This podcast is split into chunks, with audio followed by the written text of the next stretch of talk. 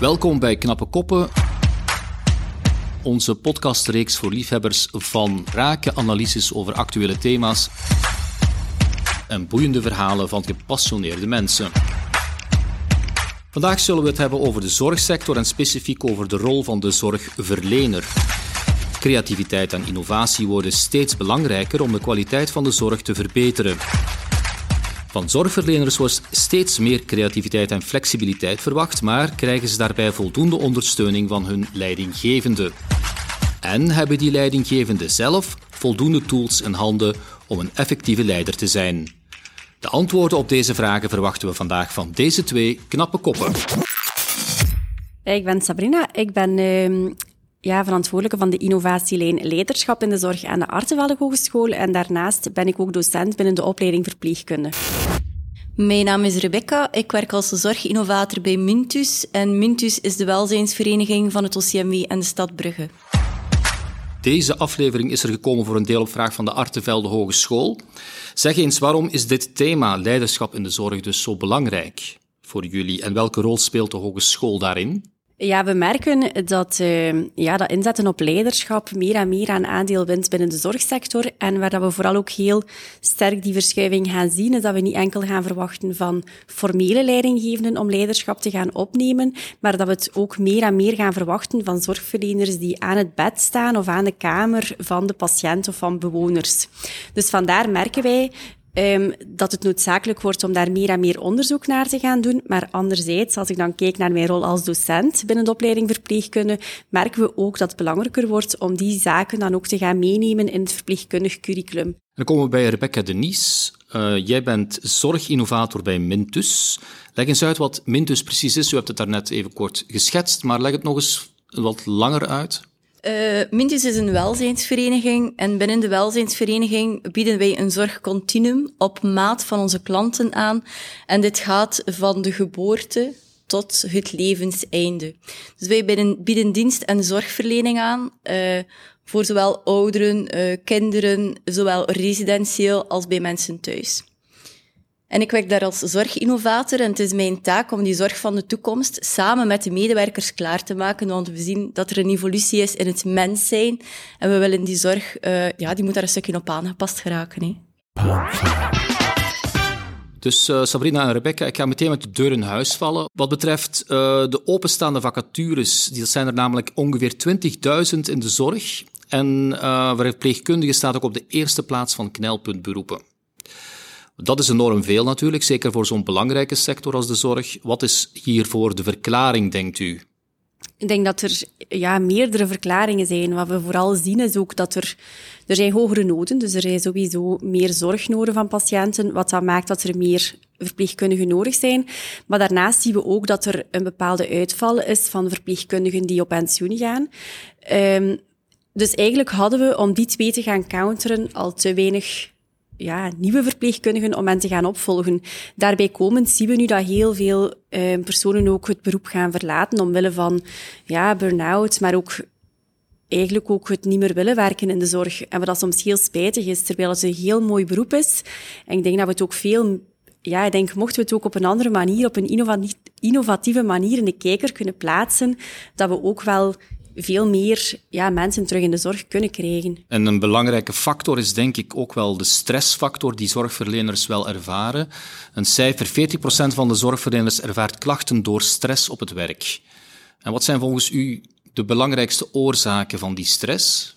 Uh, ik denk dat dat uh, twee oorzaken heeft. Enerzijds heb je de werkdruk in de functie van de hoeveelheid werk binnen de zorgsector.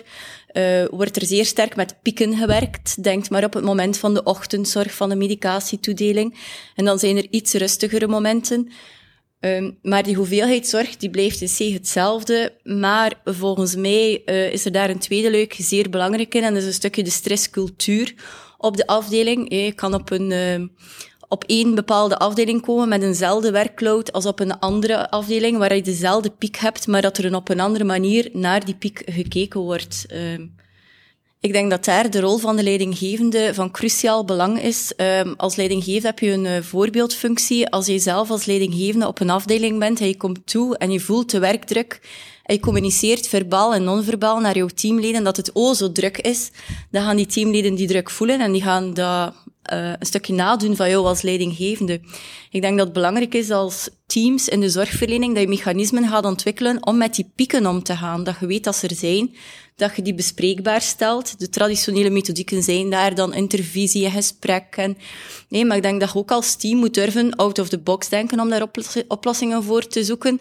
En misschien denken op een uh, prikkelarme plek of misschien een uh, korte meditatie voor de overdracht. Uh, één minuut uh, samen kort mediteren of stilstaan bij de situatie. Ik denk dat dat misschien wel kan helpen. Dat is een mooi voorbeeld. Op welke vlakken is de sector en de rol van de zorgverlener volgens jullie veranderd de laatste jaren? Is het takenpakket zodanig zwaar geworden dat het ook een heel zwaar beroep is? ik denk dat het takenpakket op zich niet zo sterk gewijzigd is. Wat, wat je natuurlijk wel ziet, wat dat misschien wel de werkdruk kan verhogen, is dat het voor organisaties vaak heel moeilijk wordt om de uurroosters te gaan rondkrijgen omwille van personeelstekorten. Wat dat natuurlijk wel maakt dat er veel flexibiliteit van medewerkers gaat verwachten naar het inspringen en dergelijke. Ik denk dat datgene is wat het wel zwaar kan maken. Um, wat dat we denk ik vooral ook opmerken, dat is dat, dat de zorgverleners die in het werkveld komen misschien ook gewoon andere verwachtingen hebben ten aanzien van vroeger. Zij willen zelf ook verantwoordelijkheden gaan opnemen. Zij willen ook meer uh, daadkracht gaan hebben. En dat, verwachten, allee, dat vraagt ook een andere manier om daarmee om te gaan als leidinggevende. En uh, innovatie, want daar uh, gaan we het ook over hebben, is een belangrijke factor in elke sector, maar ook in de zorg is er een innovatiedrang. Op welke gebieden is dat op dit moment vooral zichtbaar? Ik denk dat dat zeer verschillend is uh, over de verschillende huizen en de verschillende organisaties heen. Ik denk dat er hier geen antwoord is die uh, voor de hele sector kan geformuleerd worden. Dus ik zal vooral spreken, spreken vanuit Mintus. Uh, wij hebben vijf innovatiebouwstenen ontwikkeld. We hebben dat samen gedaan met de medewerkers, met de klanten, met het onderwijs, met uh, ja, andere zorgverenigingen eigenlijk een stukje. En we zijn gaan luisteren, uh, wat is die nood hier eigenlijk? En als we dan kijken naar welke vijf uh, stukken die daar belangrijk zijn, dan gaat dat één over de technologische evoluties. We zien dat er eigenlijk heel veel technologische opportuniteiten zijn, maar die zijn, niet in lijn met de vaardigheden van die zorgverleners. Dus daar moeten we eigenlijk een stukje die drempel gaan verlagen. Daar ligt er een, een uitdaging rond innovatie. Ten tweede merken we dat de, de zorgmedewerkers van vandaag dat die meer innovatieve skills en vaardigheden nodig hebben, dat die terug die regie moeten krijgen om problemen op te lossen en dat die tools nodig hebben om die problemen op te lossen. En dan als derde zien we, de middelen zijn schaars, we moeten die efficiënt gaan inzetten en daarvoor zijn er open innovatienetwerken uh, nodig. Dus eigenlijk over de muren van organisaties geen transversaal de middelen gaan inzetten, transversaal kennis gaan delen, uh, om samen tot die efficiënte innovatie te komen. Wat bedoelt u met transversaal precies? Transversaal betekent dat je eigenlijk over de muren van zowel eerste lijn, tweede lijn gaat gaan samenwerken. Maar als je dat dan een stukje vertaalt naar innovatie, eh, heel concreet, ik ga een concreet voorbeeld geven. Als één zorginstelling uh, ervaring heeft met het inzetten van sociale robots, Waarom zou je dan als organisatie B opnieuw hetzelfde onderzoek doen rond het inzetten van die sociale robots? Eigenlijk moet je heel vlot die kennis kunnen delen uh, en samen uh, ja, verder gaan een stukje. Um, dat je niet op uh, tien verschillende plaatsen hetzelfde middel een stukje inzet. Bestaat het gevaar niet dat door alle vernieuwingen en innovaties de zorgverlener niet meer aan zijn kerntaak kan toekomen, namelijk uh, zorg verlenen op zich? Ik denk dat niet. Ik denk dat dat net zelfs opportuniteiten uh, biedt om meer tijd bij patiënten en bewoners te kunnen doorbrengen. Dus daar heb ik eigenlijk echt geen schrik voor. Ik ga Sabrina een beetje tegenspreken. Uh, ik uh, denk bij de collega's in de zorgsector, ik denk dan uh, direct dat al die verpleegkundigen hier aan het meeluisteren zijn. Ik denk dat er veel mensen zullen zijn die zullen zeggen, ja, dat is waar. Al die projectjes die van bovenaf gestuurd worden, we moeten dat er allemaal maar bij nemen en we hebben weinig tijd. Maar um, waar het fundamenteel belang van innovatie zit, uh, dat is dat je op zoek gaat met je mensen naar waar hun nood zit. En dat je innoveert vanuit een probleem die zij op de werkvloer ervaren. En als je dan zegt, hey, die innovatiedrang, uh, vinden de mensen dat niet vervelend als ze niet meer tot hun kerntaak komen. Maar op die manier, als ze vanuit hun probleem vertrekt, dan is die innovatie een oplossing, een middel om hun nood op te lossen. En dan ga je dat een stukje kunnen uh, capteren. Dus ja, dus enige weerstand altijd bij vernieuwingen, dat is duidelijk. Zowel bij personeel als bij uh, de verzorgde mensen, dus de, woon, uh, de mensen die in een woonzorgcentra leven, oudere patiënten en zo.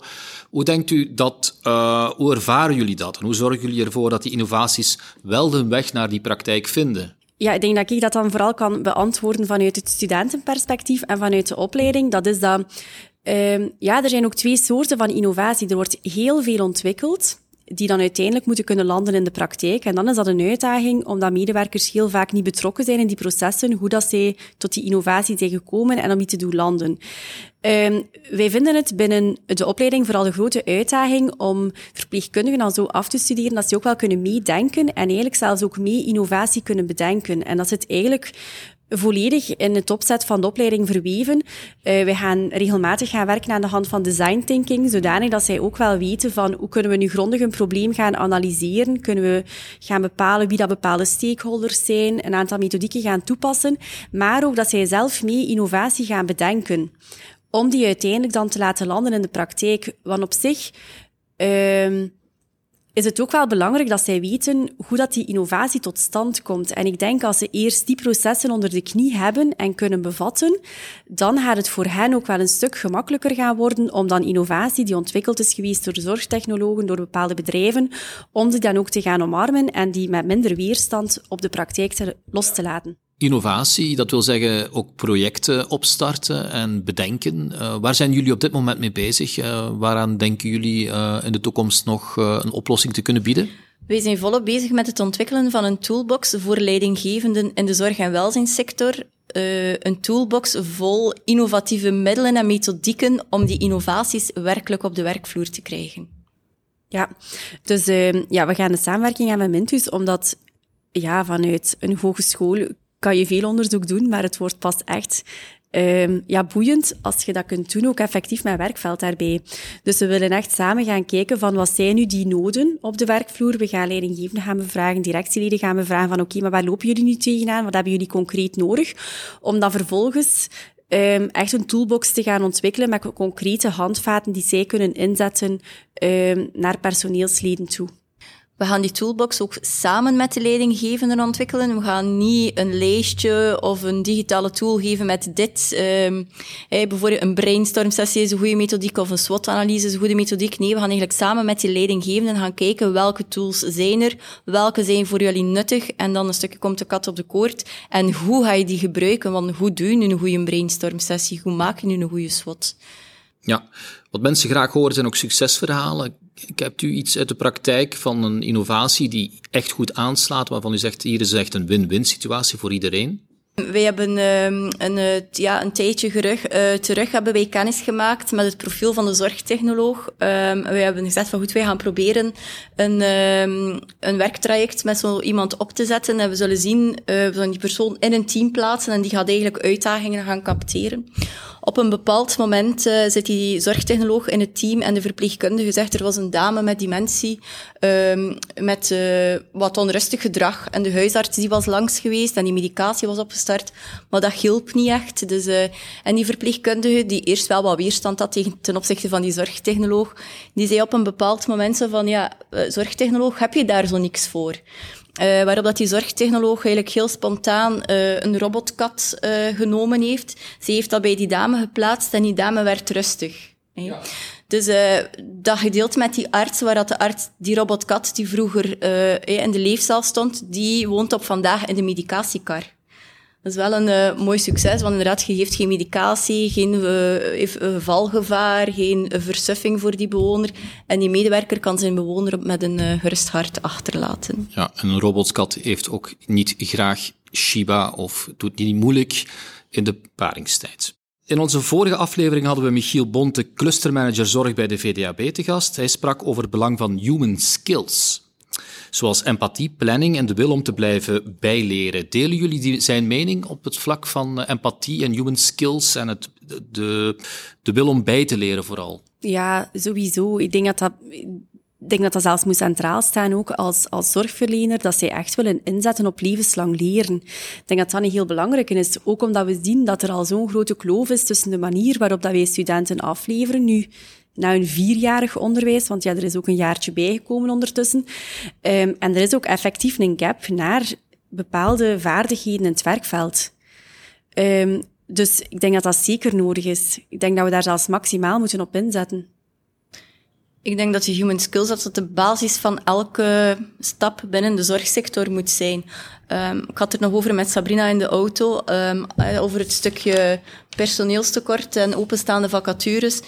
Als je zo wat dat interdisciplinaire zou durven opentrekken, als we zo ergens um, een basisprofiel voor iemand in de zorg zou moeten kunnen hebben, dat is eigenlijk die oprechte interesse in de ander.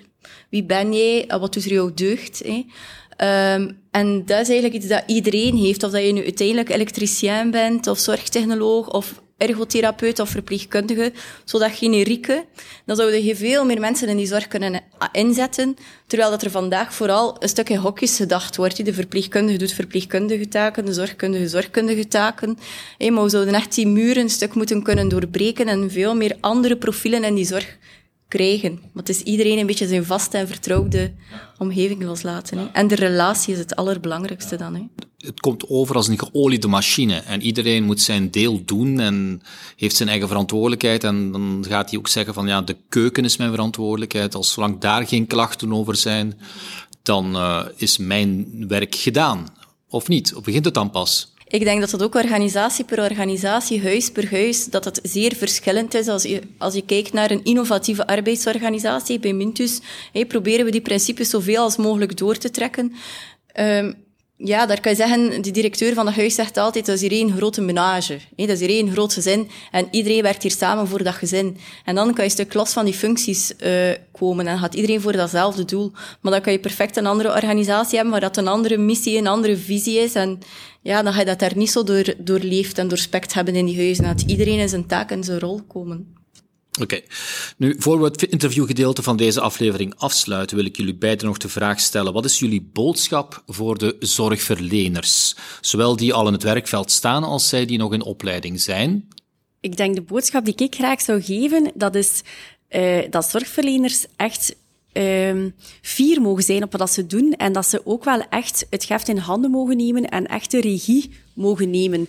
En als zij zoekende zijn naar bepaalde competenties daarvoor om wat ten volle te kunnen doen, dat we gaan daar, ik denk dat dat een onderdeeltje is van het levenslang leren, maar dat ze echt mogen staan waar ze staan en een plaatsje opeisen. Ik wil hen graag uh, meegeven dat ze zo wat de humor er moeten inhouden en het allemaal soms wel luchtig houden en uh, dat er plezier is in hun werk en dat ze gewoon graag op hun werk mogen zijn en dat humor daar een centrale plaats kan krijgen. Goed, voor ik jullie laat gaan, leg ik jullie nog een aantal stellingen voor. Jullie mogen antwoorden met akkoord of niet akkoord. En natuurlijk, zoals we dat doen in het onderwijs, altijd zeggen waarom wel en waarom niet. Eerste stelling. Leiderschap kan je maar beperkt aanleren. Het moet in je zitten.